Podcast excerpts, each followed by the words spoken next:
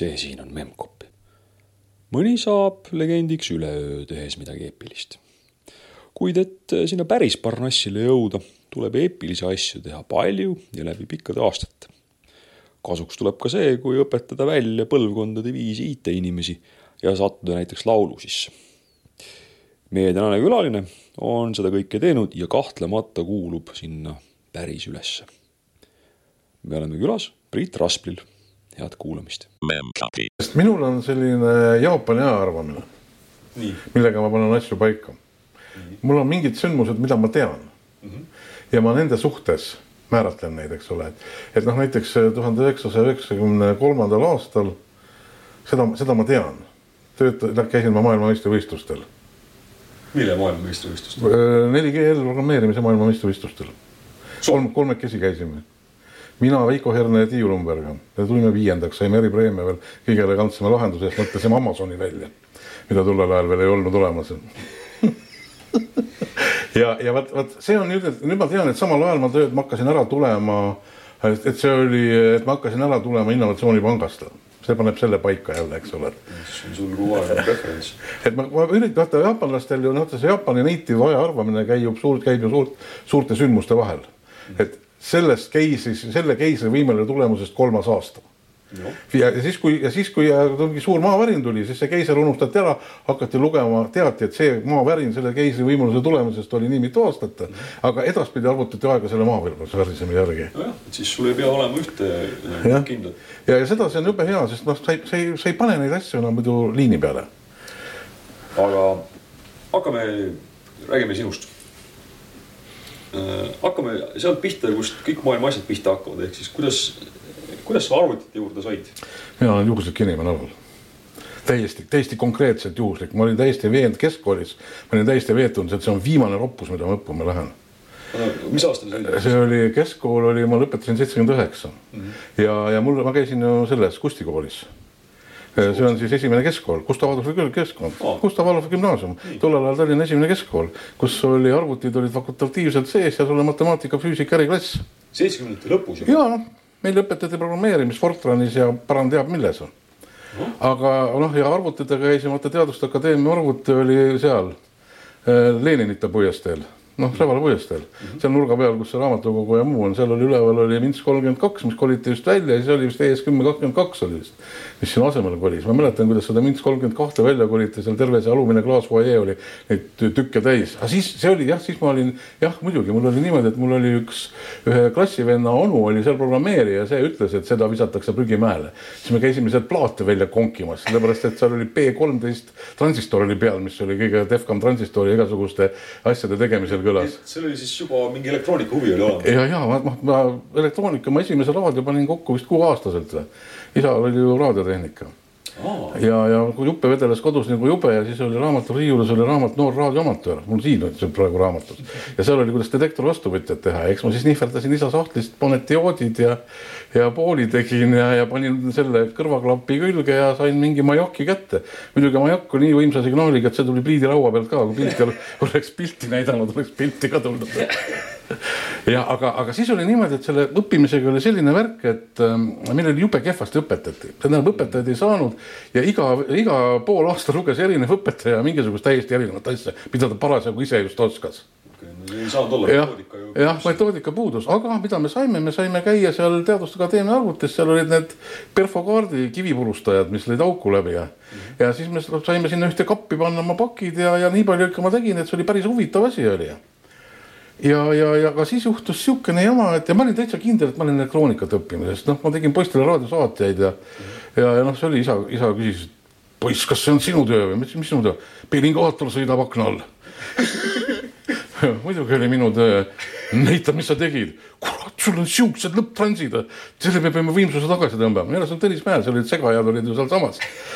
vennad pidasid, püüdsid signaali kinni ja tulid otsima, kus on lõpuks tegime siis kolmesaja meetri peale, rehkendasime, siis oli öeldud, kust lähemale ei tohi minna, kui lähed, siis tuleb ruttu ära kaduda nii et ma, ma tilutasin tegelikult kossu kokku ja aga siis juhtus selline jama, et mul tuli üks üsna raske haigus. ja, ja see haigus oli selline, mis viskas mul korra aastas teadvuse ära. tõbi tuli kallale, eks ole, ja see oli sihuke raske tõbi, et selle ravi oli ka keeruline. pool aastat oli päris üpris kangete tablettidega raviti ja täpselt pidi jälgima režiimi ja kui välja ei tulnud, siis pidi pool aastat pausi pidama. noh, ja see tuli mul välja kuskil niimoodi, et ta oli veel ilusti keskkooli lõpus olin olemas, kolm aastat võttis see jama mul aega, selle äravõtmine, aga keskkooli lõpus, kui ma hakkasin kooli minema, siis see oli ilusti mul olemas, see oli vastu näidatud sellele elektroonika õppimisele minek, mida ma tahtsin teha, eks ole, sest ma olin lapsest peale neid raadioaparaate ehitanud ja ja, ja, ja mul noh, raadiosaatjaid ja igasuguseid, kus segaja, noh Vene sõjaväe segajatega võitlesin seal ja, ja, ja, ja siis ma ja siis ma olin noor inimene, mõtlesin, et ei, ma ei lähe, ma olen nii vihane, et ei taha, mul pole vajagi, ma lähen tööle elektroonikuks. mul kolb püsib käes, skeemist ma saan aru, isegi ise oskan skeemi koostada, montaažplaati oskan teha, telekat oskan käsikaudu parandada. noh, selles mõttes, et ilma igasuguse mõõteriistata leian vea ülesse ja parandan ära ja, ja raadioga saan hakkama ja noh, ja siis, aga isa rääkis augu pähe, et. ema oli seal Eesti Raadio. ja ema oli mul Eesti Raadio majandusjuhataja mm. -hmm ja, ja tema võttis siis, viis mind nende tehno, tehnokeskuse meestega kokku. ja tehnokeskuses oli see, et seal oli kõik juppide osa, tähendab poes ju polnud suurt midagi kõik, mis ma poest ei saanud, kõik, mis ma poest ei saanud, siis ma koostasin listi ja läksin sinna ja sealt leiti mulle, sest noh, ma ühehaaval küsisin sealt kuskilt karbist võeti, eks ole, ja. ja teinekord, kui nad midagi maha kandsid, siis nad andsid need tükid ka mulle. et mul on praegu need veel asjad olemas, mul on üks sihuke karbitäis olemas, kus mul need kõik on olemas mis mul järgi jäid. siis sa leidsid, et sa midagi pead ikka õppima minema. jah, no isa arvas, et võiksid ikkagi õppima minna, et, et aga oled sihuke kaval, ole nüüd kaval, et sa ei saa sinna, no aga esimene aasta on üldained mm. -hmm. mine ja õpi midagi sellist, kus eksamid on samad. no siis ma läksin sinna IT-sse, tead, tead, mis oli see siis see majandusliku informatsiooni mehhaniseeritud töötamise organiseerimine, Eesti kõige pikema nimega eriala üldse, mis oli ja ja kusjuures see on selles suhtes vahva eriala nimi, et sõjavägi ei saanud aru, keda me koolitame oh.. sest terve selle eriala jooksul ükski poiss ei läinud sõjaväkke pärast kooli. sest nad ei saanud aru, et seal puhtaverilisi programmeerijaid koolitatakse et terve selle eriala jooksul ohvitserina sellelt erialalt ei läinud ükski poiss sõjaväkke. et sa pole nagu Vene kroonus? ei ole. vot see on nii, see oli, see oli seitsekümnendate, kaheksakümnendate algus jah ja siis äh,. ja, ja siis, ja siis ma, ja siis ma noh, ütleme, läksin seda õppima ja seal oli selles suhtes oli hea õppida, et mul oli seal kuus kooliõde venda ka mm. -hmm. kes olid ka tulnud ja noh, niisugune Chelsea elu läks käima kohe ja grupp oli lahe ja muidugi noh, tolle aja kohta peab teadma seda, et, et IT-grupp oli kakskümmend viis inimest, kellest poisse oli ainult kuus. sest oli majandusteaduskonna grupp mm -hmm. ja majandusteaduskond tuli tüdrukud, meil olid väga ilusad targad tüdrukud, kes programmeerisid ka päris äh, kõvasti mm. -hmm. ja ja, ja siis, ähm, siis noh, aga siis oli, ma ütlen, poolteist kuud läks, siis ma olin müüdud, müüdud mees. sellepärast, et. mille peale sul siis juhtus see? noh, see juhtus selle peale, et see asi hakkas, see asi hakkas, ma nägin selle maailma ilu. ma nägin neid võimalusi, kuidas, äh, kuidas kõik, mis on kõrvade vahel olemas, see on võimalik ka päriselt ja aga, aga noh, ega see mul nii lihtsalt ei läinud, sellepärast et see, et ma arvasin alguses, eks noh, ma ütlesin, et ma olen juhuslik inimene alal et äh, seal keskkoolis õpetati, seal Gustav Adolfi gümnaasiumis tolleaegne esimene keskkool, õpetati neid asju ikkagi väga hüplikult, sest õppejõud oli raske leida.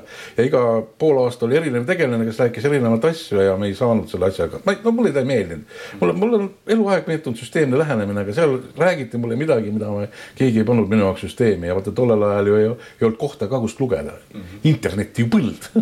jah, ja raamatuid ka ju ei olnud sest ega neid ka ei olnud võimalik ju väga saada. no ja siis ma võtsin kätte ja läksin seda õppima ja, ja siis hakkasin, üks sõber vedas mu kolmanda ühika alla sinna selle Leo Põhanda jutu peale sinna ähm,. Lembitsammel oli see sõber, kes vedas mu siis sinna teise, tei kolmanda ühika alla, kolmanda ühika all oli Nairi kahe klassid ja APG-l ja konsul kirjutusmasin elektriline ja ja, ja siis hakkasime seal AP keeles kirjutama, tegime biorütme ja silusime neid ja tegin oma esimese mängu, tiku äravõtmise mäng, et kes võtab viimase tiku, kus masin mängis vastu ja, ja sain sellega päris ilusti hakkama ja vot sellesama mängu kirjutamise ajal see asi haaraski mind.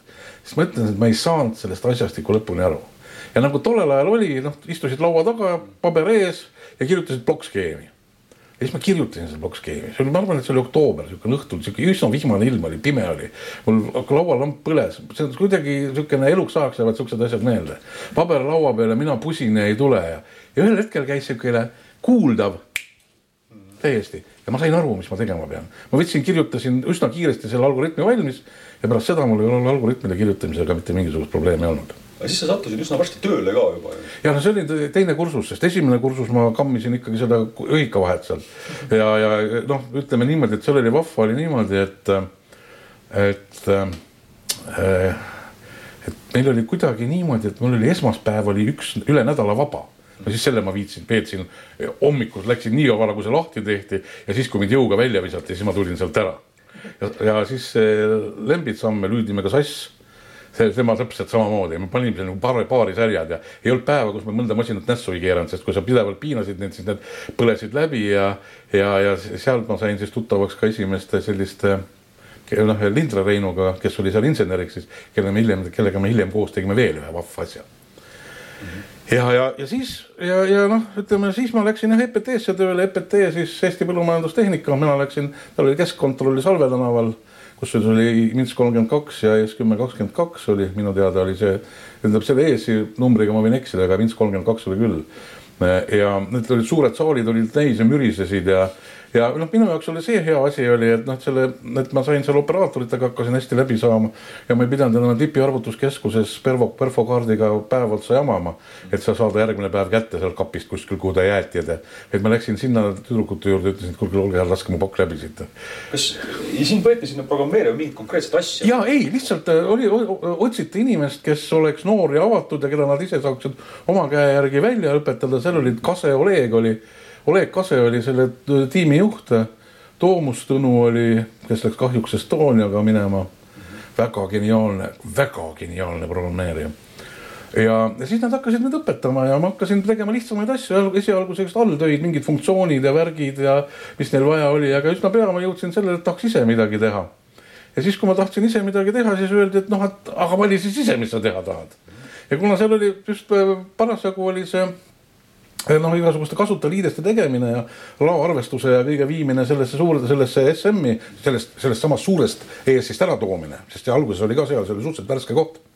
siis ma tegin vormigeneraatori, kus joonistasid ekraani, sidusid andmebaasiga ära ja, ja, ja siis sidusid selle MAMP süsteemi puuga ära ja. see oli see mumps, see tänapäeva inimene, kes kuulab, see mm -hmm. peab otsima, mis asi on mumps, sest see on nagu hoopis teistmoodi programmeerimine. ja ta on, ja ta on, ja ta on täitsa olemas, ma leidsin ta üles üks päev täitsa kogemata, jäi mulle internetis jalgu miskipärast. mina olen, ma olen üsna värskeid lugusid kuulnud sellest, et inimesed on hädas sellega just nimelt, et kui sa oled nagu tänapäeval enam-vähem õpetatud programmeerija siis sinu mumps tundub mingi täi-. ei noh, ei noh, seal ei ole indekseid.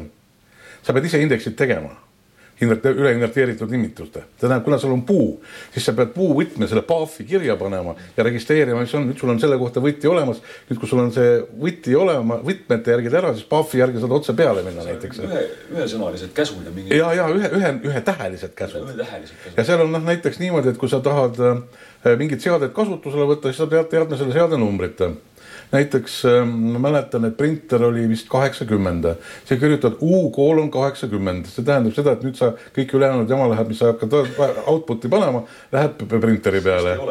ja näiteks, kui sa tahtsid kuvarit saada, siis igal kuvaril on oma number, siis noh, nüüd oli kuna need olid füüsilised masinad, noh, sa tegid andmebaasi kõigepealt, loendi nendest kuvaritest, mis sul on, nimetasid kuvarid ära.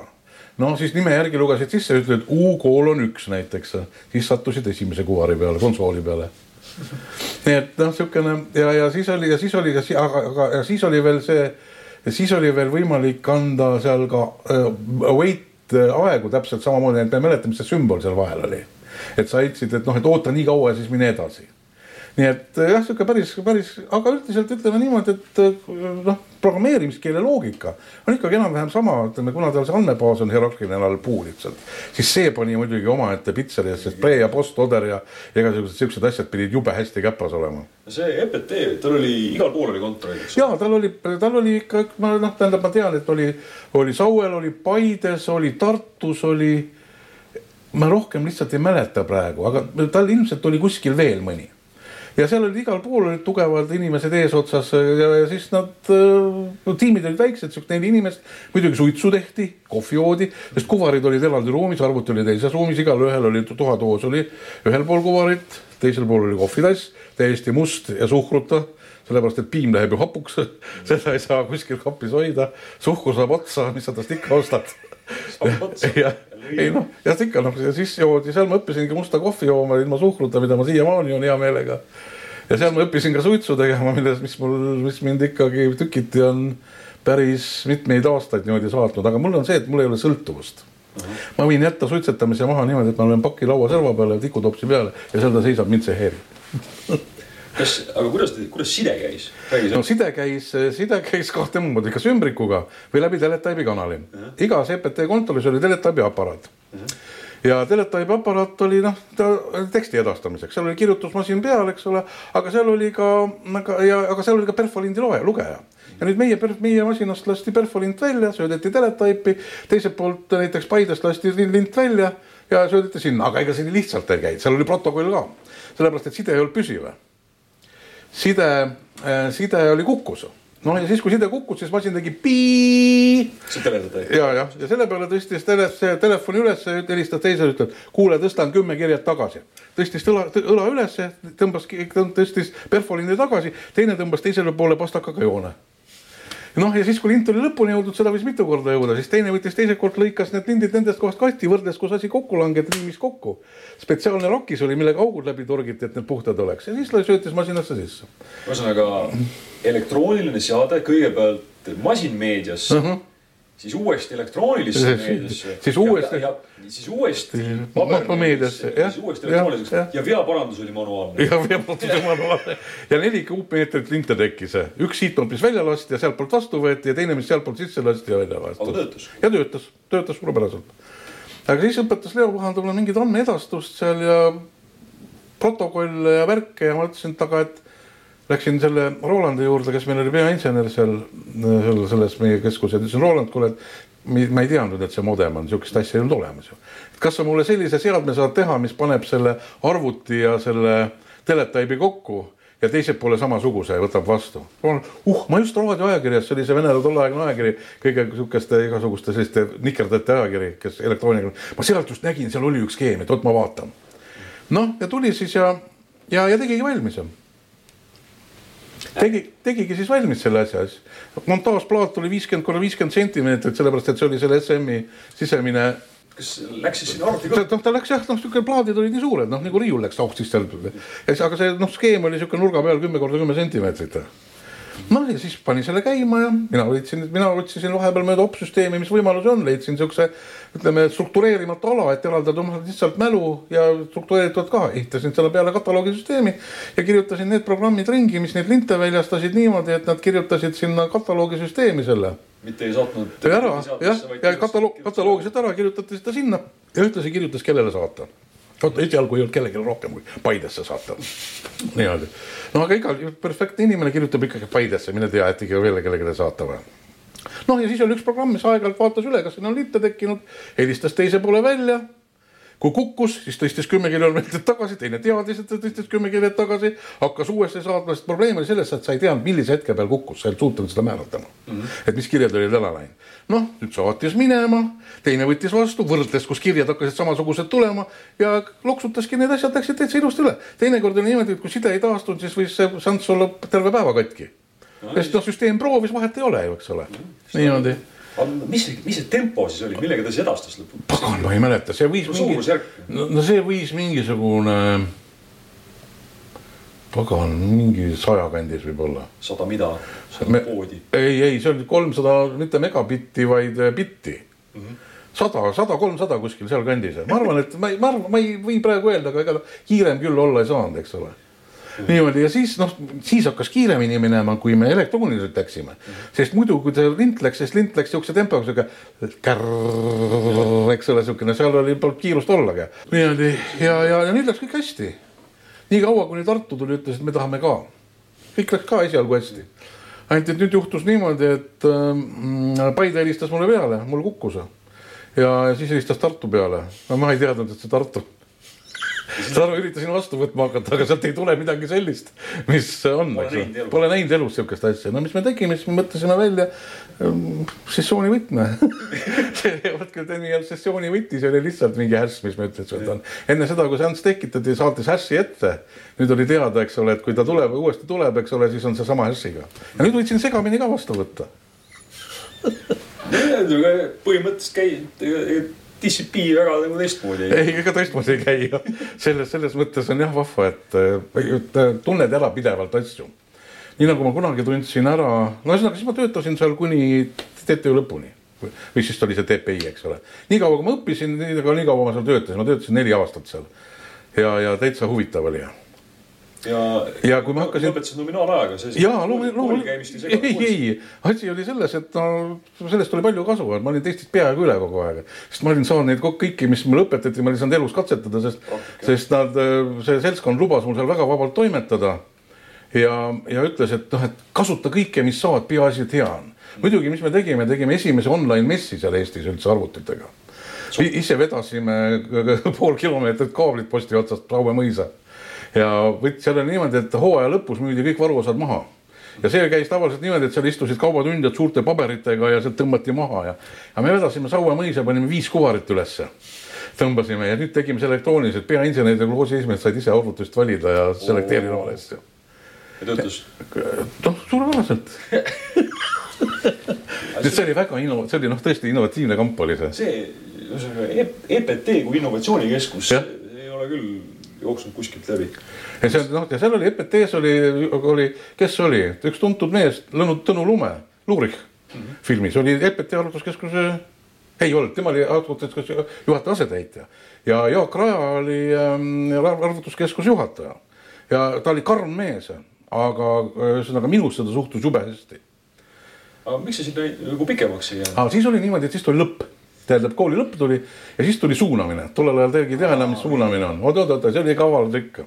ja suunamine oli niimoodi, et pinge järjekorras saad valida, kuhu lähed, kui sul on, jah, kui sul hinded on, eks ole, mis sul on, siis selle järgi saad valida, et mis, mis noh, järjestus võtab. aga seal nimekirjas oli kaks kohta, mis oli spetsiaalselt mulle et kui mina ei vastanud, nende ei valinud, siis teine keegi seda valida ka ei saanud.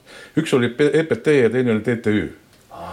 ja, ja saad sa aru, TTÜ oli sellel ajal põnevaks kohaks muutunud. selles mõttes, et sinna hakkas juba tehnikat tulema sisse väljamaalt ja ja, ja personalarvutid ja noh, ma ise käisin, tõin esimese personalarvuti rongiga Moskvast. Yamaha, Yamaha, Yamaha jah, kaheksapitine Z kaheksakümmend protsega. ja, ja kellega ma koos käisin, Sven, Sven Jürgensoniga käisin, see meie praegune, ma ei tea, kus ta nüüd esindaja on, vahepeal ta oli USA suursaadik ja nüüd ta on vist NATO juures esindaja, tema oli siis tudeng. Temaga koos käisime, tõime kaks esimest rongiga tõime kupees aga kas see oli siis ametikoht seal? ja ma, no mis mulle, mis mulle pakuti, mulle ei, mulle, ma, selline koht oli nagu juhtivinsener. ja juhtivinsener, aga see tähendas seda, et ma lugesin ka, see oli lihtsalt ametikoht, see oli teadusliku uurimise sektori ametikoht oli see te, infotehnoloogiaga teele alla. ja, ja seal oli hea palk ka kõigele lisaks, aga ega EPT ka kehva ei pakkunud, aga mõtle tollel ajal, eks ole, kui oli hea palk oli sada kakskümmend, siis mulle pakuti sada viiskümmend viis. Eluaeg mäletan, aga muidugi mu elu läks kehvemaks sest ma elasin eh, ikkagi jube priskelt siis, kui ma õppisin, sest ma sain stippi kõrgendiku, see oli lõpus oli kuuskümmend euro, seda rubla, eks ole. siis ma sain EPT-st sain eh, kuuskümmend rubla sain eh, seda poole koha eest. ja siis ma tegin veel teadusliku uurimise sektoris, tegin ka tööd, seal ma sain nelikümmend rubla kuus. ma sain kakssada rubla kuus, eks ole. lisaks sellele ma sain EPT-st veel kuuskümmend rubla kvartalis preemiat, kui mitte rohkem, vahel sada isegi. Aga nüüd sada viiskümmend viis rubla mul läks tükk aega aega, enne kui ma liinidele käima sain ja kõik tööle hakkas ja teadusliku uurimise sektor jälle mulle lisaraha hakkas maksma uurimise sektor, mis asi see on? see oli tipis oli selline osa, mis kõik lepingulised tööd tehti sellise asja alt nagu teadusliku uurimise sektor. seal oli oma juht ja kui kellelegi tahtsid lepingut sõlmida, siis teadusliku uurimise sektor sõlmis lepingu, võttis oma obroki sealt vahelt. ja, ja sina said siis oma lepingulised tasud sealt pealt. aga mis see, mis sealt siis telliti? no ma varsti räägin ühest konkreetsest tööst, see on see Lindra Reinuga seoses. et seal oli igasuguseid asju, mida iganes. ma tean, et sealt alt tehti näiteks äh, mingeid äh, kriminalistika infosüsteeme, ma sellepärast, et meil kõik näited olid üks vahe kriminalistika pealt. ja, ja noh, miilitsale noh, siseministeeriumile. igasuguseid asju, käis meil need teemad käisid meil kõik enam-vähem loengutest näidetena läbi, mis seal tehti. aga igal juhul, igal juhul siis ma ja mina valisin TTÜ. Ja siis läksin Raja Jaagule seda lahkumisavaldust viima. Ja ta vaatab mulle otsa ütleb, et Priit, kuule. Aga jää poole kohaga ikka tööle. Ja sa ei pea üldse kogu aeg käima, käi vahel läbi ja vaata, ütle, mis arvad ja too uuemaid sõnumeid. Ja siis ma olingi mingi kaks või kolm aastat töötasin veel täitsa niimoodi rahulikult seal, et sain. et jah, käisin küll, ehk noh, südametunnistuse luba, et kui sulle raha antakse, eks ole. päris ilma ei saa. päris ilma ei saa, aga siis ma käisingi, et ühesõnaga alguses võtsingi mingi pausi, et äh, noh, pikema puhkuse, et, et natukene sellest äh, kõigest lõõgustada, aga siis ma läksin ja täitsa huvitavaid asju sai veel tehtud. kuni sinnamaani välja, et viimane siis, kus ma käisin aastaid hiljem, siis ma enam ei töötanud seal, siis olid SMi matused viin ja kartulisalat ja, ja, ja, ja see masin ise oli maha müüdud, aga see nii-öelda protsessori kast maeti siis maha kuskile sinna sauele, ma ei mäleta enam. kas, vot nüüd võib-olla see koht on see sobilik koht, ma, läheb teemast mõnevõrra mööda, aga mind on huvitanud ja ma olen tahtnud küsida ja andke nüüd kõik andeks, aga ma pean küsima selle küsimuse ära. kuidas sa laulu sisse said? sa oled, sa oled nagu ainus inimene, keda ma tean, kes on laulu sees päris legitiimselt. see on vaata, Lauri Saapal on hea sõber. ja, ja tal on sihuke komme, et kui tal millestki muust enam laule pole kirjutada, siis ta hakkab sõpradest kirjutama. kust ja, sa teda tead? Äh, noh, Lauriga me käisime koos õues mm. -hmm. ja me oleme Lauriga koos mitmed laulud teinud. Niimoodi, et äh, noh, üldiselt tal tulevad sõnad hästi, aga on juhtumeid, kus ei tule. ja siis ma olen katalüsaatorina töötanud ja ma olen ise ka maleva jaoks laulusõnu teinud nii et äh, ja Lauriga, Lauriga me, see oli esimene Tiiremets aasta, ma ei hakka aastate arvu praegu nimetama, siis tuli ta meile kuskilt, ta tuli sinna ja hakkasime kohe hästi läbi saama ja ja ta on vaimukas inimene ja, ja siis tal noh, ütleme, aga kõik need Sermati Tom ja, ja Mäekala ka,, Kalle ja, ja need on kõik reaalsed inimesed. sul on mingi muusikamees siis ka või? ja ma olen õppinud muusikat päris palju ma olen Küllalt. õppinud, äh, noh, ma hakkasin õppima kuueaastaselt no. Ja õppisin siis neli aastat äh, muusikakeskkoolis suisa, aga siis ma sain aru, et see on see koht, kus ma olema ei peaks. sellepärast, et seal mitte midagi muud ei õpetatud, aga mul olid muud asjad ka tähtsad no.. ja, ja lisaks sellele ma olen natuke rutiinitalumatu nagu üks infotehnoloog korralikult olema peab. kogu aeg peab mingi action käima, aga sama, sama, sama pala kaheksakümnendat korda mängida oli natuke piinav. aga, aga ma ei tahtnud seda katki jätta, ma tulin sealt ära ja, ja lisaks sellele, seal oli üks õpetaja, kes mind terroriseeris, Solfi õps oli, seda ta on kõiki terroriseerinud, aga ma olin tal eriline lemmik ja ta lõi mu lukku. ma ei saanud hakkama Solfiga mm. -hmm. ja siis ma tulin ära, ütlesin emale, et ma lähen õppima muusika, laste muusikakooli ja ma tahan klarnetit õppida mm. -hmm. ja siis ma sattusin Aleksander Rjabove juurde, kes on Eesti džässi suurkuju, eks ole mm. -hmm. kuld, kuldne mees, väga hea õpetaja. ja seal oli ka, Borrasson oli Sulfiups, kes oli ka täiesti niisugune kuldinimene. Ja saad aru, selgus, et äh, mul on kõik oskused olemas, ainult et olid lukus mm.. tegelikult mul on absoluutne kuulmine. mitte küll see kõige kõrgemal tasemel, aga, aga täiesti arvestataval tasemel no.. ja, ja noh, ühesõnaga see on piin ka natukene elus, eks ole, kui see sul on. natukene midagi valesti oh,. täitsa jama, täitsa, täitsa kohe kratsib jah ja ja, ja, ja siis ma, siis ma õppisin laulmist, aga siis kuna ma selle viiuli õpetamisel õppisin, õppisin, õpet-, õppimisel õpetasin muusikakoolis ära, kaks aastat oli midagi teha, siis ma õppisin laulmist. nii et eh, noh, poistekoor pluss eraldi ansamblitunnid, eks ole, see andis pärast kõva laulmise kooli. No ise ma õppisin hiljem saksi ja kitarri juurde, eks ole, klaverit natuke, no ma ei ole nii ammu mänginud, aga, aga klarnet ja saks on nii käes, et need tuleb ainult kastist välja võtta. no lisaks sellele mul on kapis üks siinkandi paremaid klarneteid. et võib-olla profidel ei olegi nii head kahju iseenesest, et ta minu käes on, aga kuna see on kingitud pill, siis ei saa ka, siis seda ei saa ära anda ka, et võtaks, võtaks kehvema. see muuseas, selle kinkis üks Eesti välishelilooja. Kes on sünninimega Elmar Rossmann ja mm, Kuldrannake on üks kuldrannakest on ta kirjutatud Priit Arda nime all. eile käis, nädalavahetusel käisin just Ugalas, seal on ühe tema ooperi reklaam on äh, seina peal seal Vaheloo muuseumis, nii et äh, väärt inimesed elust läbi käinud. no vot aga tuleme tagasi sinu ja sinu no, Tehnikaülikooli. no Tehnikaülikoolis ma sattusin selles suhtes huvitavasse kohta, et ma sattusin äh, oma õppejõu, kellega ma hakkasin väga hästi läbi saama, Toomas Mikli, kes oli väga raske tüüp selles mõttes, et temaga oli väga raske rääkida, temaga rääkida suutsid vähesed inimesed. sest ta jättis umbes äh, kolm loogilist taset vahele, vahele ja alustas neljandalt ja sa pidid ise need kõik kirjut-, vahele ehitama ja ma suutsin seda. ja me hakkasime Toomiga hästi läbi saama ja noh, tema oli ka see, mis mind andmebaasidest suutis mind innustada, see, kes mind tegelikult, tema oli mu diplomitöö juhendaja mm. -hmm. diplomitöö muuseas oli meil kolmsada lehekülge paks seal oli, seal oli tolle aja kohta ja siukene, ma jälle võib natuke uhkustada, et keegi selle peale ei mõelnud. mul oli üks tööosa oli pühendatud konsultatiivinfole ehk helptekstidele. Ah, kaheksakümmend neli mul oli, mul oli töökoht, kus ma tegelesin, tegelesin palgaarvestuse töö, metoodiline palgaarvestustööde koht, kus ma üritasin selle töökoha käigus õpetada ka, mismoodi süsteem töötab ja juhendada. no see oli täitsa innovatiivne asi jah, no tollel ajal keegi sellest suurt ei rääkinud midagi veel. ma ei mäleta, kust ma selle üles korjasin.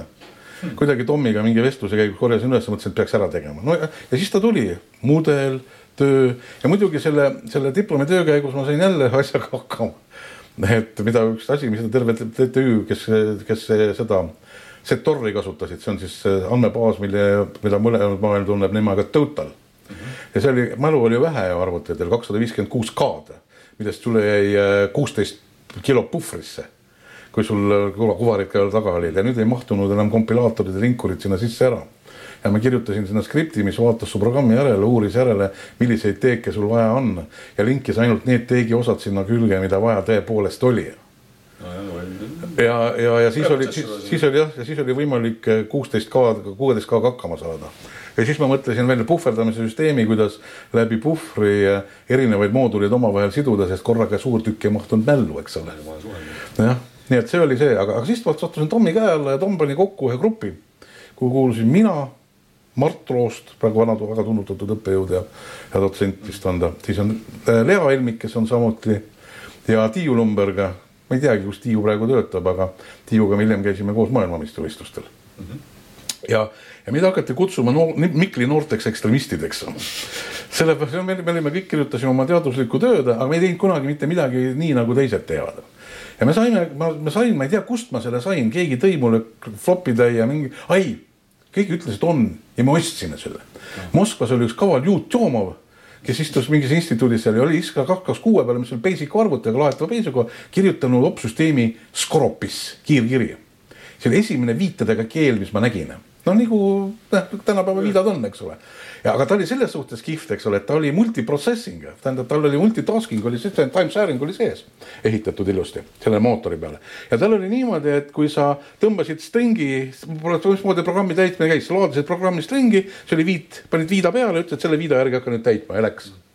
Aga nüüd oli, nüüd oli jälle mälu vähe, kuuskümmend neli K-d, eks ole, aga meil oli plaanis nüüd sellesama Lindre Reinuga, kelle ma seal arvutisaalis tundma õppisin, et paneks Iskrale veel kaks kuvarit külge et mina kirjutan opsüsteemi ringi, tema teeb kaks videokaarti, paneme videotoni kuvarid taha ja vaatame, kas paneme sellesama masina tööle. kuuskümmend neli kaarta, kuuskümmend neli kaart, eks ole. aga nüüd ma tegin õuerläpingu ära selles mõttes, et kuna, kui tegin selle, et kui ma tundsin ära, kui programm on juba mälus, siis panin sama peale teise viida veel ja panin veel töötama. ja programm visati välja alles siis, kui, siis kui see välja, kui siis, kui noh, enam ei olnud, tollel ajal ei olnud ka midagi sihukest eriti. no või mingist mälukaitsest või niisugusest asjast või turbest. ei, ei, ei, ei, ei, ei, no kogu infoturva oli see, et said masinad, said masinad käimagi, eks ole, flopi oli välja võetud. tuba käis lukku. tuba käis lukku ja flopi oli välja võetud. kuigi seal oli kahe giga, kahe gigane ketas oli, kahe megane ketas oli ka olemas.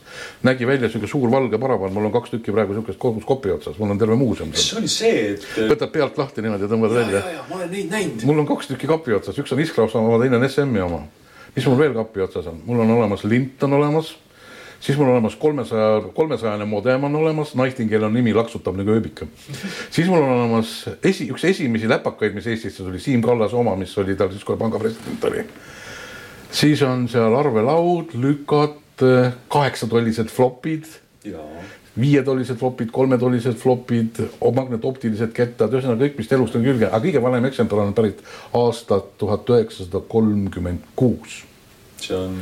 taskukalkulaator. Felix see on tas-, Felix on ka, aga see on taskukalkulaator, mis on numbrilise näiduga, liidab ja lahutab, mehaaniline, on umbes kolm-neli milli-, kolm millimeetrit paks ja niisugune kuus korda kümme sentimeetrit suur. ma ei teadnudki sihuke asi olemas. no sakslaste tehtud. Pulkadega liigutad seal neid asju, nüüd see on kõige vanem asi. see isa kinkis, minu vanaisa kinkis selle isale kuuendaks sünnipäevaks ja minu isa kinkis selle mulle niimoodi. sul Tehnikaülikoolis eh, mingit teadustööd? ja ma hakkasin, ma hakkasin tegelema andmeedastustega, aga selleks noh, see tulid segased ajad jäi seisma, raha sai otsa. ma tegelesin eh, sünkronisatsioonimudelitega, millega ma olen elus tegelikult hiljem väga palju tegelenud ja, ja, ja praegu võiks kirjutada sihukese töö, mida keegi pole mõelnud kunagi välja. aga noh, muud huvid on tekkinud, aga sünkronisatsioonimudelitega ma olen terve elu tegelenud tegelikult. mis need on?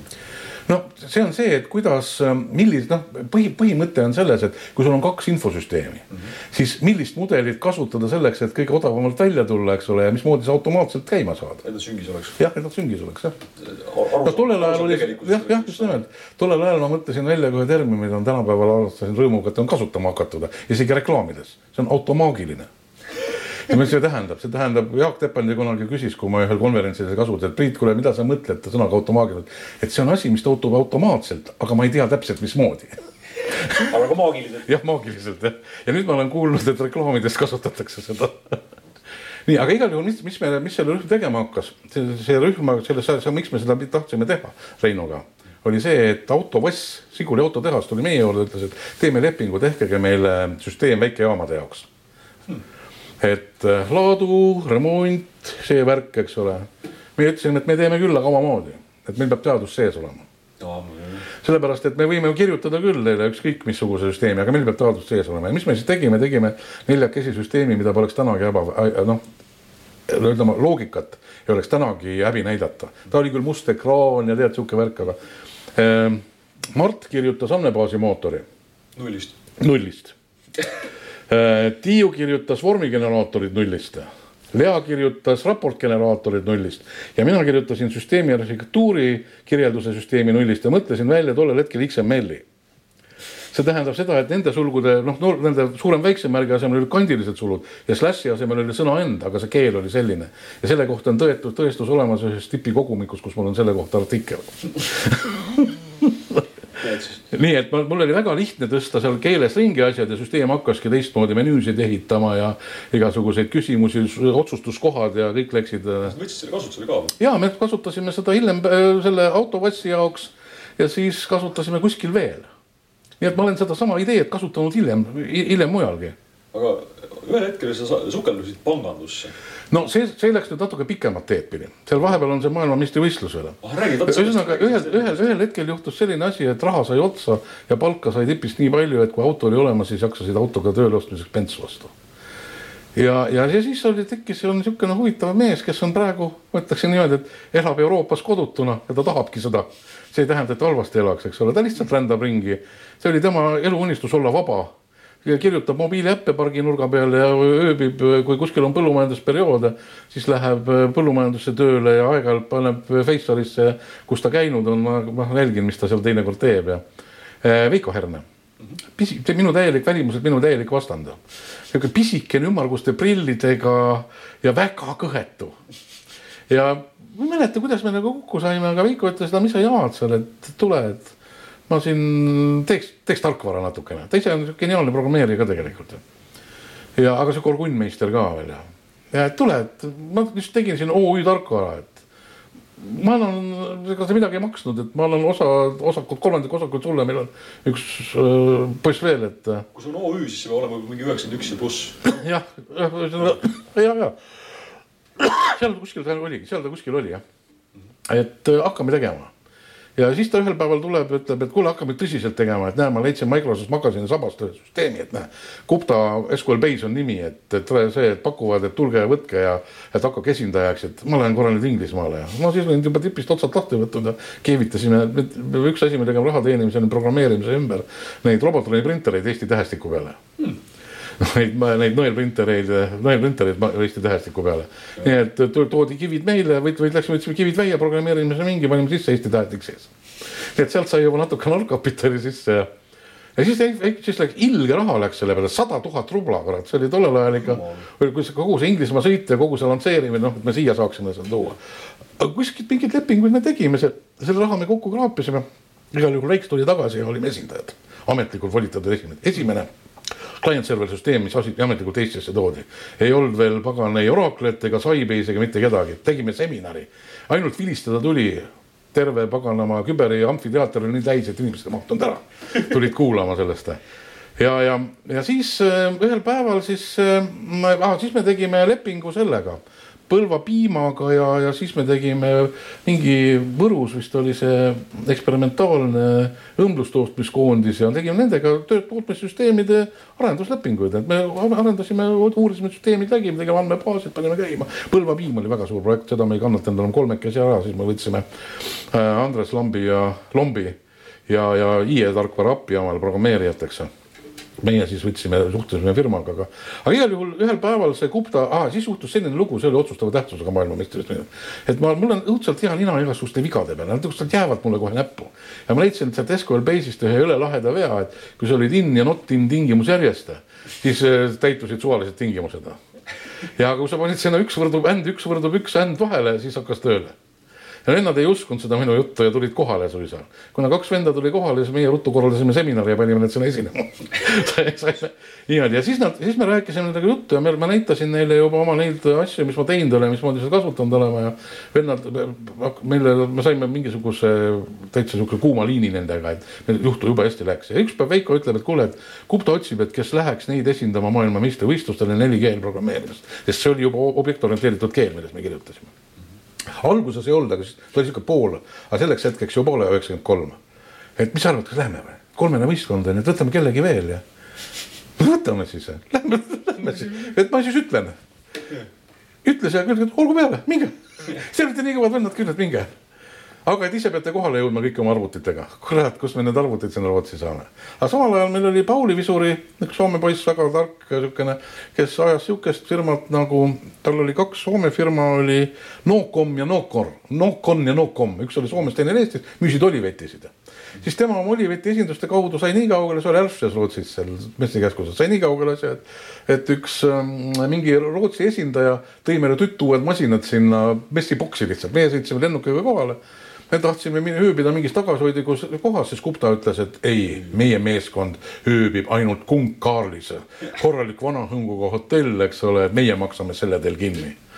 noh, ja siis me läksime siis sinna, läksime, läksime sinna, esimesed Suprema masinad, kuuskümmend kuus megahertsi, esimesed multimeediamasinad, mis ma nägin, pandi üldse. Plug and Play Windows kolm üksteist esimest korda näen, esimest korda näen, eks ole, hakkame installima.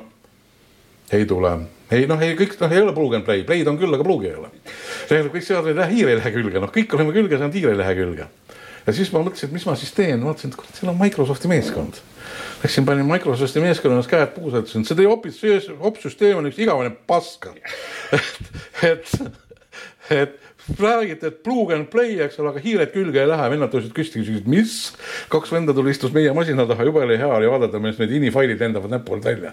lasevad, lasevad, lasevad, üks masin läks käima. ma ütlesin, soo, soo, minge, minge, minge minema. koppisin ini failid kõikidesse masinatesse. ja oligi korras, eks ole. siis hakkas Veiko proovima. esimene see voice hääletuvastuse, see häälega juhtimine. Aga kuna halli, halli foon oli väga kõhe, siis ta karjus oma arvuti peale.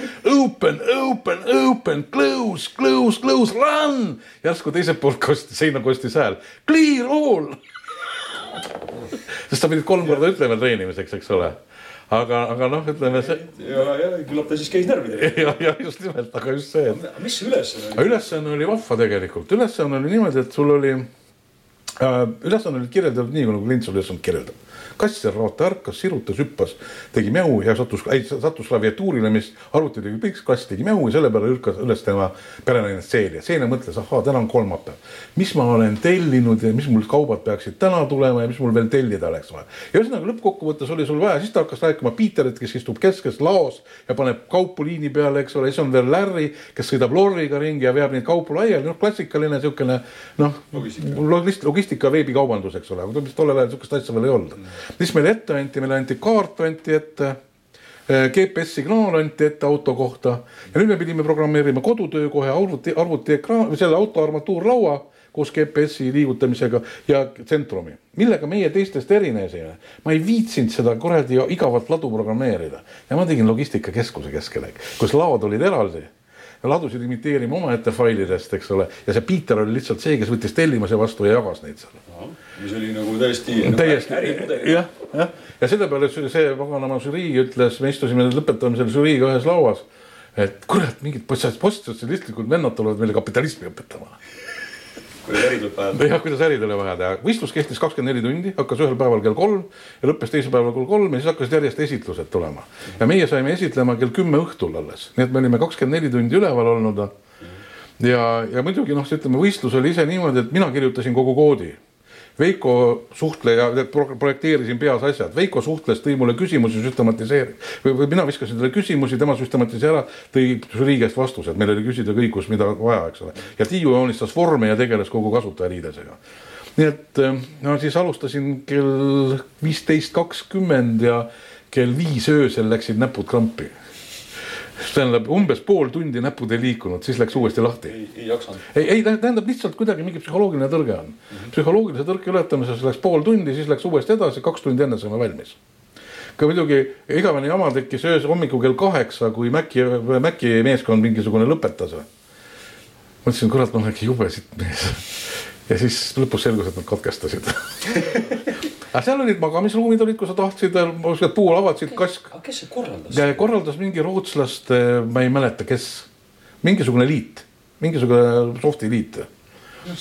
jah, ja see oli, ma, ma teadsin sellest, mul üks sõber oli seal kunagi ülesande tegijana olnud. see, kes Tartus töötas, Kalle Kulman, kes Tartus töötas äh, selle kõigepealt selle Tartu EPT juhina kellega me kokku saime marksistliku leninliku kommunismi eh, kandidaadi miinimumi täiendusloenguse, kelle, kust me, ütleme siis me, ma teadsin ta nime ma ei teadnud midagi muud. ja siis me istusime kõrvuti ja seal oli üks niisugune vend nagu Otto Stein. ta kutsuti Otto von Steiniks, kes oli saadetud Tartusse, Tartust Tallinnasse kommunistlike filosoofide kaade tugevdamiseks, aga et mõlemad tugevnesid siis ja siis ta oli sihuke hull vanamees, kes, kes käis mööda, ma mäletan siiamaani, et allikas, et see loeng oli kommunismi all kolm allikat, kolm komponenti. ja siis ta käis seal, küsis, noh, see on see poliitökonoomia, inglise poliitökonoomia, saksa see, saksa äh,, ma ei saa enam öelda, ühesõnaga mitte filosoofia, see sahv, sahv, sahv, saksa utopism. ühesõnaga, seal on need kolm asja, eks ole. ja siis ta läheb esimese juurde. noh, öelge, mis on üks joon. ahah, selge, öelge teine teie, öelge teine kolmas, aga nüüd teie öelge esimene, teie öelge kolmas, teie öelge teine, teie öelge esimene, siis kui ta minuni jõudis, siis ma tõusin püsti, ütlesin, teate, mina selles tsirkuses ei osale. ja jalutasin välja ja siis, kui ta püüdis asja leevendada, ütles noh, öelge siis teie, siis Kalle ütles mina ka mitte. Ja tõusis püsti, me oleme siiamaani sõbrad. Läksime välja, läksime sinna pagana Tüljaku baari, istusime, ajasime juttu ja me oleme siiamaani suured sõbrad aga kuidas ikkagi pank, pank? niimoodi, aga nüüd oli niimoodi, et, et ma olin tead siukene no ma siuke vabakutseline häkker olin, mu elurütm oli ikkagi selline, et noh, ütleme elurütm oli selline, et see oli siis üheksakümmend kaks. üheksakümmend üks, kaks, üheksakümmend üks, kaks, kolm, jah, üks, üheksakümmend üks juhtus see. mul, mul oli kaks last nüüd juba oh. ja minu töörütm Äh, tähendab, Anna oli just sündinud, eks ole. selgus, et minu töörütm, kus mul on päevarütm täiesti sassis võrreldes teistega ja, ja kus mul tööpäevad on seitsmekümne kahe tunnised ja pärast seda ma sõidan autoga Valka ja, ja, ja noh, või sinna Põlvasse piima asju üle andma ja et see ei, ei klapi enam. ja seesama Tiiu, kellega me koos käisime maailmameistrivõistlusel, ütles, et kuule, et innovatsioonipank otsi viite juhti sihuke pank oli? sihuke pank oli jah, see on, ma ei tea, kas ta enam on, ta pankrotipesana oli veel mõned aastad tagasi olemas ja, ja seal oli niisugune mees oli juhiks nagu Peep Sillandi. -hmm. pärastine mikro- ja makroökonoomika õppejõud äh, EBS-is, kes tegi ära mingid soft'i litsentsid ja õpetas tudengeid soft'i peal mudeleid koostama ja tegema siukesed mängud ja värgid ja. Peep oli üks igavene lahe kuju ja ma läksin Peebuga rääkima ja jutt klappis kohe ja Peep ütles, et noh, et noh, siis noh, homme tuled või? et näe, tool on siin ja no siis mõtlesin, olgu peale siis ja siis ma olingi, ühel hommikul tuli minna poole üheksaks tööle ja harjuda sellega ära, et ei saa kella kolmeni öösel üleval olla, aga ma selle, sellega, ma ei ole selleni ikka siiamaani harjunud. sest mul üsna, üsna tihti on ka praegu on magamineku aeg kell kaks, kell seitse ülesse ja viis tundi on minu jaoks enough. räägi korra, aasta üheksakümmend kolm, mida endast kujutab niisuguse värske panga IT-juhi nagu töö, mis tegid seal? oh igasuguseid asju, no ütleme niimoodi, et ütleme, mõtleme, et kui esimene päev uksest sisse tulin, ma olen muuseas seda igas, pärast seda igas ettevõttes teinud. istusin maha ja mõtlesin, kust mind on võimalik vangi panna oh,. no praktiline. ja, ja, ja, ja hakkasin otsima seda kohta ja leidsin. ja tollel ajal käis Keskpangaga informatsioonivahetus niimoodi, et äh, et oli mingisugune, ma ei mäleta seda enam selle programmi nime, ma pean kuskilt otsima, see on päris huvitav fakt. mingi armeenlane kirjutas väidetavalt selline, kes oli kõik juuksed peast ära ajanud, et kammimiseks aega läheks ja kuna suhkur on ajutoit, siis sai ainult suhkrut, geniaalne vend. tal oli nii käsuliidese pealt kui äh, selle pealt äh, inter, noh, tärk inter, tärk või selle käsurea pealt, pluss dialoogiga käiv suhteliselt pisike programm, mis natuke krüptis ka, küll väga vähe, noh, tolle aja kohta kõvasti ilmselt ja, ja, ja saatis siis panka ära. Ja iga päev tehti pangas kaks faili, üks hommikul ja teine õhtul, mis olid õhtusest failist hommikune käibed, mis tuli keskpanka saata. Ja teine oli siis sedasi. ja igal pangal oli oma aeg, millal ta selle ära pidi saatma, samal ajal ta sai teistest pankadest tulnud asjad vastu. ja see asi seisis vabalt. Ja ma sain kohe ära, et panka saab röövida niimoodi, et ma ei võta kellegi kontolt raha ära, vaid tekitan sellesse kanalisse raha juurde on ju niimoodi, siis ei hakka keegi selle jälle igatsema. nii kaua, nüüd natuke aeg tuleb ainult Vostro ja Nostro kontode sisu varjata. et ei oleks näha, et seal mingisugused jamad on tekkinud, aga sellega saab hakkama. ja mis ma tegin, siis esimene asi on see, et tegime sellise asja, et sellele kohale sai panna, sai ainult üks konkreetne programm. teine sai, teine sai võtta sealt, kui keegi sellesse piirkonda sisse logis, siis katkestati kõik ära. no näiteks selline asi, eks ole. siis olid pangakontorite vahelised ühendused, jälle igavene jama, eks ole. kuidas saada Mustamäele kontor püsti, nii et meie, see meie süsteemiga kokku saaks. siis me istusime ja testisime mingeid seadmeid ja ehitasime, proovisime, telefoni kasvanud kanal ju ei püsinud mm. -hmm. noh, ja nii edasi, eks ole, no siis olid kogu see päeva lõpu, siis oli noh, triviaalne asi. ühel päeval tuleb kassapidaja minu juurde, teller ütleb, et kuule, Priit, et üks klient küsib oma seda saldot sellest ajast, seda ei ole. mitte saldot, vaid käivet, käibed hakkame siis uurima, selgub, et süsteemis on niimoodi, et kaks aastat vanad käibed hävitatakse küsimata ja pikemat aega panna ei saagi. aga mis ta panga tuum siis oli, mis niimoodi, mis niimoodi tegi? See oli Midas Capiti süsteem Capiti -hmm. oli see, mis seal istus, see istus, see istus selle AS neljasaja otsas, aga kuna meil AS neljasadat ei olnud, siis meil käis OS kaks varp, mille peal istus AS neljasaja emulaator ja seal otsas käis siis see. see oli ostetud kuskilt? jaa okay.. Midase käest, Capitiks ta, ei Capiti käest, Midaseks läks ta hiljem, et alguses oli Capiti. noh, mis ma, mis siis Priit tegi, Priit võttis, istus maha ja poisid hakkasid sortima neid paganama back-up'e, siis back-up'e tegime hoolega ja siis me kirjutasime siukse soft'i, mis back-up idest lappas kõik meile andmelao. me tegime andmelao siis. me ei teadnud, et see seal andmeladu on. no aga millega te tegite? jah, midagi me tegime, noh, me tegime, me tegime sellesama, selle SQL Base'i peale. sest see oli meil pangal ka olemas mm. -hmm. siis ma panka läksin, ma lasin selle ostida, see oli hea client server, lihtsalt kättesaadav, ei olnud väga kallis võrreldes teistega. siukseid pisiasju tegime siis seal peale, no siis me hakkasime seda kapitit ja seda kokku panema, eks ole noh, siis ma olin lisaks sellele, ma olin panga nõukogu sekretär olin. Oh.. Peep arvas, et ma olen, oskan kirjutada küll piisavalt loetavalt ja pärast need puhtaks lüüa ja et, et üks inimene, kes saab aru ka ja ütles, et noh, siis on teine asi veel, et, et ega sa liige ei ole, aga sa arvamuse saad ikka sekka öelda noh, siis ma olin siukene hääleõiguseta arvamuse liider seal selles. see on ju IT-juhile nagu väga praktiline. ja, ja ma nägin, see oligi just, vot just, just, just nimelt. jah, just see oligi Peebu mõte ja see oli jube hea mõte aga seal olid noh, väga vahvad liikmed olid, seal oli näiteks Arvo Kaljon oli, oli seal üks panga nõukogu liige. omaaegne, ma ei tea, mis mees ta oli, parteipapus või valitsuses või mis keegi, aga väga tark mees ja, ja igasuguseid muid vahvaid tegelasi, kellega ma seal tuttavaks sain. aga siis üks päev selle informatsiooni, vaata, see pank oli taskupank. ta oli, geenin oli mingisugune juut Ameerikast, kes elas sellest, et tegi pankasid erinevates riikides, ajas nad riigis üle pankrotti ja siis hakkas kasutasu nõudma ja meil oli see, et sotsiaalpank läks pankrotti, sealt hakati pesasid ostma, ta ostis kõige vingema kontori sealt ära ja selle turvil lasi selle panga põhja no.. aga ma nägin seda, ma nägin iga õhtu ju nägin seda, peaaegu iga õhtu nägin seda paganama bilanssi mm. -hmm. aga ma olen majandusharidusega. ma nägin, et see läheb, aga selleks ajaks Peepu enam ei olnud, sest geenil oli oma Miša sinna ette pannud. ma ei mäleta ta Mihhaili perekonna. no Mihhail. Mihhaili mine no Miša, sihuke ilus, tore poiss muidu, aga noh, ta tegi täpselt seda, mis Keenin ütles. ja siis ma läksin Miša juurde, panin rahanduslauale, lavale, ütlesin, et Miša, ma lähen nüüd ära. aga miks sa lähed, ma ütlesin, see pank läheb varsti pankrotti. sa eksid, ma ütlesin, et ei eksi, Miša. mina olen majandusharidusega ja ma olen iga õhtu bilanssi. see läheb varsti pankrotti. noh, ja siis ma, aga mul oli uus koht tulemas, nüüd oli tööstuspank ja tööstuspankas oli meil üks, üks laenujuht läks sinna, Raivo mis iganes, Kotkas, ei või vanduda. Läks sinna ja, ja kutsus mind, et tule sinna, seal oli, seal oli see mm, noh, et tule, tule arendustiimi juhiks, meil on nüüd uut infosüsteemi vaja. ja mina ei saanud aru, mis toimub. kõik, mis küsin, kõik saan oma kontor ehitati Koplisse, magamisruumi, köögi ja kõikide asjade, kõik, mis küsisin, kõik sain.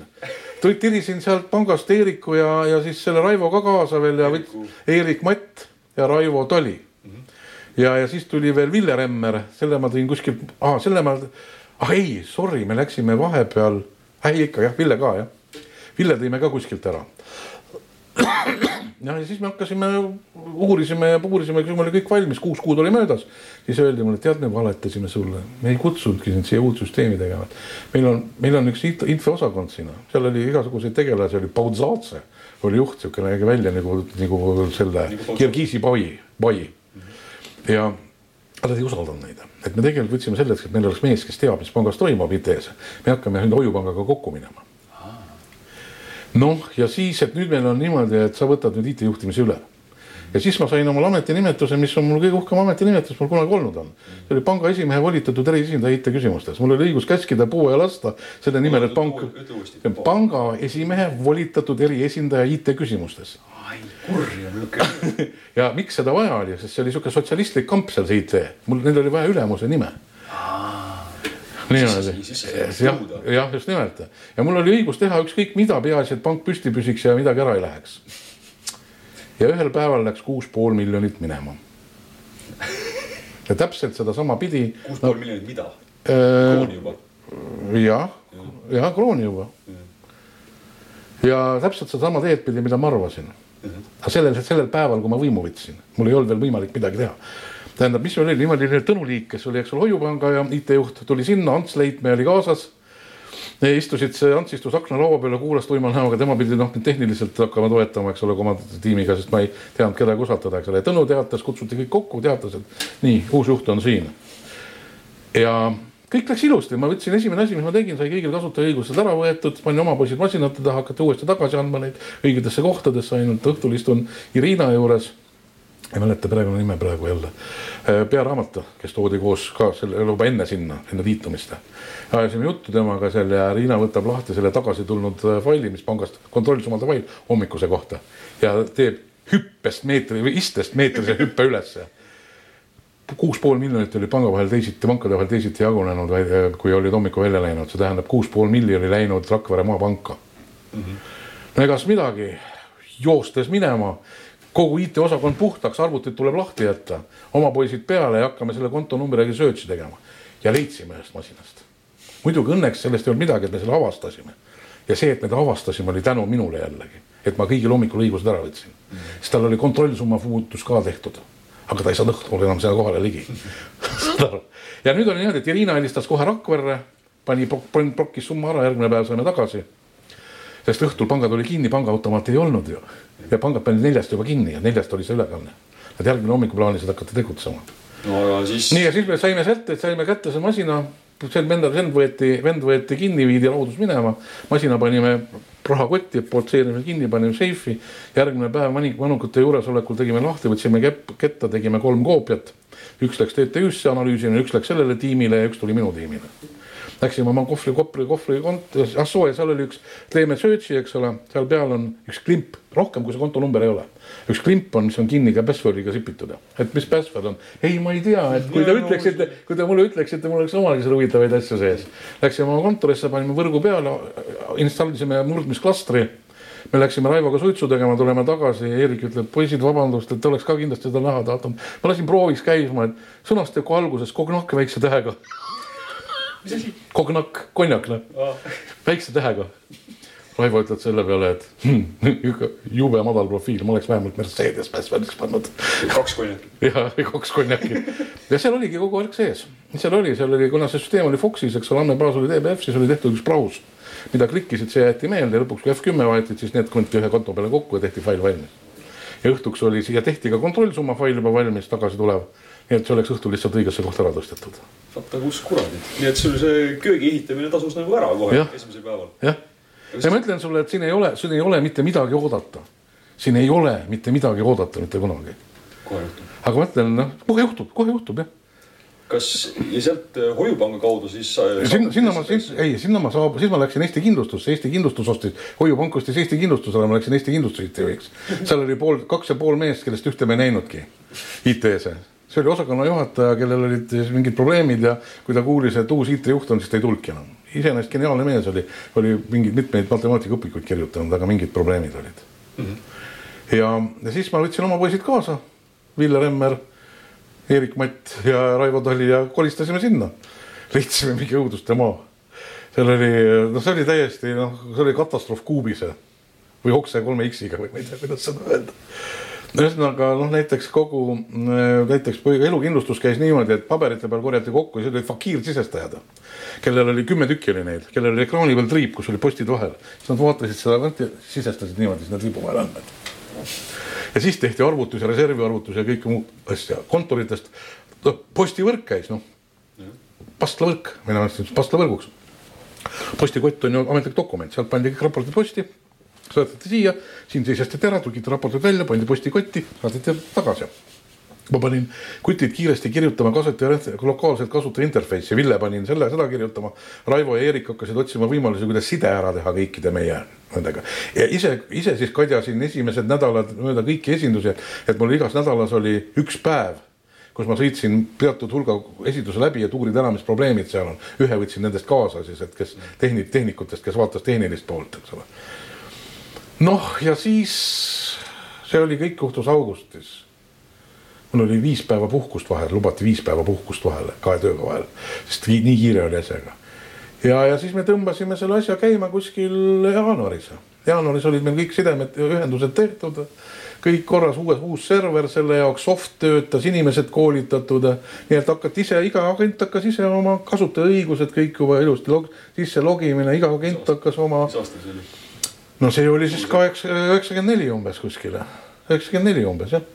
ei oota, stopp, üheksakümmend viis, üheksakümmend kuus, üheksakümmend kuus umbes, kuskil üheksakümmend viis, kuus jah, sealkandis. ja, ja, ja siis me hakkasime, noh, nüüd tuli muud süsteemi hakata uuendama. ja muu süsteemiga oli see, et äh, see võrk oli kohutav, eks ole, noh siis me tellisime võrguohutustööd, ehitasime korraliku serveriruumi panime talle tulekindlad materjalid seina ja, ja noh, kõik, kõik, kõik jahutused, jahutus väljapoole ja muidugi selle serveriruumiga on üks vahva jutt veel jälle kohe. Seal oli kõige maja keskel ja kõige paksemate müüride vahele, lõhkus, lasin lõhkuda sealt välja terve WC ja mingi duširuumid ja mis seal olid, torud välja kõik, eks ole ja ja, ja siis ühel päeval juhtus sihuke lugu, see oli siis äh, aprill või mai, märts vist või kui me hakkasime ühel ööl oma viimast serverit, kus raamatupidamise andmed olid, hakkasime siis üle kantima uueks ja. ja selgus, et äh, back-up ei loe ja ketas läks nässu. ja miks back-up ei lugenud, meil oli kõik korralikult tehtud, aga majas käis remont ja tolm oli seal ära rikkunud. ei, ja seadjad olid tollel ajal nii lollid, seda ei näidanud seda. ja noh, kes see tollel ajal back-up'i kontrollis, kui ma kahes eksemplaris tegin, siis oli ju piisav, eks ole. mõlemad olid tuksis? jah no ühe korra karjääri jooksul. oota, oota, niimoodi ja oota nüüd, aga seal peal oli raamatupidamise andmed ja, ja me olime ju börsiettevõte mm. -hmm. noh, egas midagi, Priit võttis, sõitis, sõitis kettakaenlasse, sõitis Inglismaale järgmine päev, OnTracki, kes taastab kettaid mm. -hmm. väga kihvt firma. kõik maailma suured ühistud on, need firmad on nende kombel, kaasa arvatud CIA ja KGB ja need, aga vaevalt nad oma kettaid taastavad ja, ja siis ma läksin, jõudsin sinna reedel ja teisipäeva hommikul tulin tagasi, see on täitsa omaette jutt, see on täitsa pikem jutt, mis seal toimus, aga igal juhul ma tulin taga kahe tätkassetiga tagasi, kus kõik olid. kutid olid selle ajaga kogu võrgu jälle kõik tööle pannud, valmis ootama, et nii kui ma lennukist maha istusin, nii võeti need lindid taastati ära ja asi läks käima. nii ja noh, siis, siis sai, siis hakkas Hansapank ja see hakkas hoiupank ära sööma. noh, tegelikult alguses oli ühine, pärast oli ülevõtmine, sest sealt käituti tegelikult minu arust, ma ei, mul ei ole selle kohta paberit, aga kui seest vaadata seda asja, see käis niimoodi, et kõigepealt kuulutati välja ühinemine, siis kui kõik oli teada, siis öeldi, lõpetati ühinemine ära, võeti üle lihtsalt mm.. sest seal toimus äh, IT läks. Äh, no Tõnu Liik läks täiesti, Tõnu Liik ju võttis, äh, viis kogu suurema osa IT-st viis Hans Schmidti juurde ära sinna tollel ajal siis ühispanka. ja kuna mina olin seal äh, Hoiupanga või seal ühispanga, meil oli ah,, me tegime uut infosüsteemi ka ju, täiesti uut. see oli noh, meil oli äh, vinge süsteem oli, aga see ei saanud valmis, sellepärast et kindlustus lõpetati nüüd ära. ja Tõnu Liik tuli üks laupäeva hommikul, ma suvilas, elasin seal Mähel ja Tõnu Liik helistab, Tõnu ma tunnen, noh, tundsin juba ammu juba Tööstuspanga aegadest, me tegime koos need esimesed kaardiprojektid, mida me siin plaanisime, elektroonilised kaardid, et kõik Tõnuga koos ajasime neid asju seal ja seal olid Sulo Muld ja kes meil seal olid omaaegsed siuksed karismaatilised kujud selles tiimis sees kõik. noh, erinevates pankades, tema oli siis Raepank, eks ole. sulamuldi. tuleb, helistab mulle, et Priit, kus sa oled? ma ütlesin, et Mähel siin Vabarna teel, uh, kuule, ma olen sinust ainult kolm kilomeetrit, ta Kosel elab, eks ole, et aeg kolm kilomeetrit eemal, et ma tulen kohe sinu juurde. kas midagi, ma ei jõudnud hommikumanteid küll ära võtta, ma istusin aias ja jõin teed, eks ole. Või kohvi hommikust ja Tõnu astub uksesse, kuule, et nüüd on sihuke värk, et ütle ja ja ma lähen kohe ära. et ega ma enne ei lähe ka. et tule, tead, ma annan sulle uue kindlustuse, tule tee see valmis, mis sul tegemata jäi. no mis mul siis ja, ei pakkusin kohvi, jäime ära ja olingi, läksingi siis tööle, läksin SEB Ühispanka, läksin selleks ähm, arendusjuhiks, läksin kindlustusarendusjuhiks läksin. ja siis hakkasime tegema kindlustust ja tegime hea elukindlustuse, tegime hea mudeli ja see oli, ütleme selles mõttes on see jällegi märgiline süsteem, et see on üks proof of concept. mul on see oma vaata see mode- andmete modelleerimisteooria, see on, see on äh, mudel, mis näitab, et see töötab sest see on aastast, mis ta oli, üheksakümmend üheksa siis või, samasugune nagu ta siis oli, need osad, mis ma tegin, mis me tegime. aga see on kõige parem kvaliteedi näitaja üldse, ta on suuteline kõik need asjad üle laadima. just nimelt Te,. tegelikult on veel üks vahvam näide, aga see on varasemast ja ma ei teinud seda teadlikult. on, ma aastal kaheksakümmend kuus kirjutasin ühe palgasüsteemi ja aastal äh, üheksakümmend neli helistati mulle, öeldi, et kuulge, et teie palga, ma müüsin seda ka mõnega aja, siis lõpetasin ära, siis ta oli Fox Pro ja kaks must, et kuulge, see teie palgasüsteem, ütlesin, mul ei ole ühtegi palga, ei mäletate aastal üheksakümmend kuus te müüsite meile, et me ei oska, meil firma nimi muutus, me ei oska firma nime ära vahetada, ma ütlesin, kuulge, Windows, graafiline ekraan. ei, ei teate, see töötab, et me teisi süsteeme proovisime, et seal on vead sees, et, et me oleme kõik suutnud järgi häälestada, üle häälestada, tähendab sotsialismist tuli süsteem kapitalismi ja elas selle asja üle. Mis sa praegu teed? ütleme niimoodi, et SEB-s ma olen seitseteist aastat, käisin küll vahepeal ära, seal oli üks kümnekuunane huvitav periood, tänapäeval nimetatakse neid startup'ideks. aga tol ajal me lihtsalt arvasime, et hea on noh teha üks produkt, mis sattus õnnetuseks selle ajaga kokku, kui see IT-mull uhkas ja me ei saanud enam äh, riskirahasid peale, meil sai lihtsalt raha otsa, aga me likvideerisime selle ära lihtsalt ja lõpetasime ära, müüdi tükid maha ja Ja me, me lõime sellist süsteemi, mis kirjelduste pealt äh, teeb äh, dialoogi, suvalisi ühesõnaga, salvestab andmeid andmebaasi, sul on kirjeldused olemas. Ja sa võid sellest samast kirjeldusest teha voice'i või, või siis mingisuguse mobiilirakenduse või ükskõik mis. et noh, midagi sellist, noh, oma aja kohta see oli väga, tolle aja kohta see oli väga kõva sõna, kõvasti ajast. väga kõvasti ajast ees jah. Aga praegu oled sa, ja, ja siis ma sealt äh, tulin tagasi SEB-sse ja SEB-st äh, läksin Riiasse, eks ole, seda perioodi sa tead minust, eks ole. ja noh, ja siis Riias juhtus niisugune lugu, et, et äh, Katrin Reinhold tuli siia, panite siia direktoriks tehikusse. ehikusse jah. ja, ja mm, Katrin hakkas kutsuma mind aeg-ajalt siia, et kuule, tule arva arvamust, arva selle kohta ja arva teise kohta. ja, ja siis ma ühel korral, kui me siia alla kööki läksime, küsisin ta käest, et Katrin, et kuule, et sa vist lubasid Taimarile, et sa ei võta kedagi kaasa. et jah, ma lubasin, aga kui ma ise küsin no sa mõtled, ma mõtlesin, nagu Toots, et või see teile, et ma mõtlesin, et sa ei küsigi. et mis sa tahad, ma ütlesin, sa ju tead, mis ma tahan. noh, deal, deal ja oligi mu elu kõige lühem lühem tööle värbamise vestlus oli see. ma ütlesin lõpuks ütlesin, et tead, et, et ainult, et ühte asja pead sa mulle veel tegema. siis ma, et mis, sa pead mulle tabureti ostma. seesama siin, sest mul aeg-ajalt, kui selg on valus, siis ma vahetan, viskan selle tooli ära, istun selle peale, see on teine asend niimoodi ja nüüd siin ma olen siis äh,, alguses ma tulin, oli sihuke asi nagu analüüsiosakonda, aga nüüd on selle nimi andmekorraldus ja andmeanalüüsi osakonda. ja mul on äh, põhimõtteliselt äh, no ütleme niimoodi, et mul on selle all on kaks talitust, üks on andmekorraldustalitus, nemad võtavad, teevad HL7 standardi peal andmevorminguid, millega kogu infovahetus Eestis käib tervishoius, haldavad seda andmevoogu et vaatavad, aga, aga mitte päris, sest nüüd mul on üks ametikoht veel, on andmekvaliteedi juht, kes tegeleb sellega, kes vaatab, hoiab seda andmekvaliteedi asja koos, siis mul on olemas üks arhitekt, kes joonistab minu asju, tähendab, mina käin alguses mingisuguse asja välja, tema joonistab lõpuni, aga ta mõtleb ise väga-väga hea detailse mõtlemisega. Andrus Tamboom väga hea detailse mõtlemisega, Andrus Tambov, jumal. väga hea detailse mõtlemisega, täiesti müstiline ja, ja siis mul on olemas kaks analüütikut, kes võtavad, teevad eh, ühesõnaga, kellega koos ma ehitan üles praegu analüüsikeskkonda. ja siis nüüd mul on praegu, ma just palkan omale seda andme, andmelao talituse juhti, et kogu see andmelaondus korralikult üles ehitada. kui ma nüüd võtan selle kõik kokku uh, -huh. siis mul on täiesti ühene tunne, et sul läheb hästi. ei, mul ei ole häda mulle, mul on huvitav, see on, see on jube huvitav. tähendab, ma tegelen selliste asjadega, ma tegelen selliste asjadega, millega ma varem pole tegelenud otse, otseselt. noh, aga see muutub ka sihukese kiirusega et, et seal teinekord kannu, kannul püsida on täiesti raske, see on see, see on kohutav kogus, mille kogu aeg mingisuguseid materjale läbi lappad, eks ole, et kas on midagi uut. see on väga äge on kuulata, kuidas nii on olnud nagu kogu aeg vist. jah, just nimelt, ma ei ole kunagi töötanud sellise ameti peal, kus mulle ei ole meeldinud. see on kõige olulisem asja juures. Olgu, olgu seda õnne edaspidi ka, aitäh mm. -hmm. aga palun.